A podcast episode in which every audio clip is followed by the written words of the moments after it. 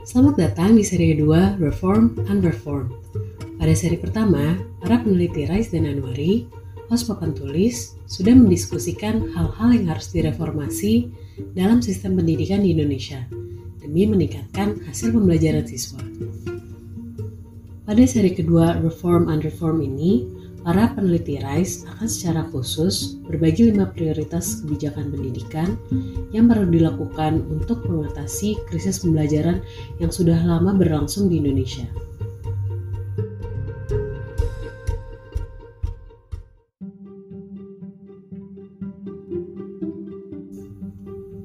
Selama lima episode ke depan, kita akan menyimak diskusi tentang berkomitmen terhadap penguasaan kemampuan dasar, Artinya kebijakan-kebijakan yang di mana uh, target-target yang ditetapkan oleh pemerintah itu orientasinya itu harus didasarkan kepada bagaimana meningkatkan uh, kompetensi anak atau murid di uh, literasi dan numerasi.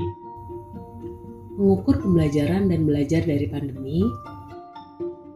Pentingnya dan seberapa uh, powerfulnya assessment itu ya. Jadi pengukuran pembelajaran itu sangat penting karena kegunaan mereka tidak tidak cuma satu gitu. Dalam satu hal itu bisa meningkatkan targeting. Jadi itu bisa meningkatkan pemetaan dan pengetahuan kita sebenarnya uh, menyelaraskan sistem untuk meningkatkan kualitas guru Uh, ya, jadi kalau uh, tadi ya tujuannya masing-masing uh, berbeda atau keinginannya mungkin berbeda, jadi nggak, eh, kita bilang nggak selaras ya.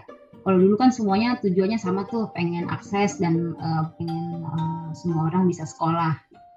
Nah, kalau sekarang uh, ketika pemerintah tujuannya ingin meningkatkan kualitas uh, guru atau kualitas kualitas pembelajaran yang dipikirin dari pihak uh, sekolah atau pihak, uh, pihak uh, komunitas yang yang kedua ya sekolah dan guru mereka inginnya fokusnya ke kesejahteraan dulu uh, jaminan uh, kelangsungan kerja gitu. mendukung guru dalam proses belajar mengajar nah uh, kita juga bisa memaksimalkan peran uh, komunitas belajar ya uh, untuk guru gitu ya untuk untuk mereka setting ini sebenarnya udah ada uh, udah ada gitu kan biasanya kan KKG gitu ya jadi serta pentingnya mengadaptasi pendekatan. Nah, jadi kami merasa perlu dipetakan daerah yang sekiranya butuh bantuan, yang sekiranya uh, middle gitu yang dia cukup bisa mandiri tapi tetap butuh dituntun dalam beberapa aspek.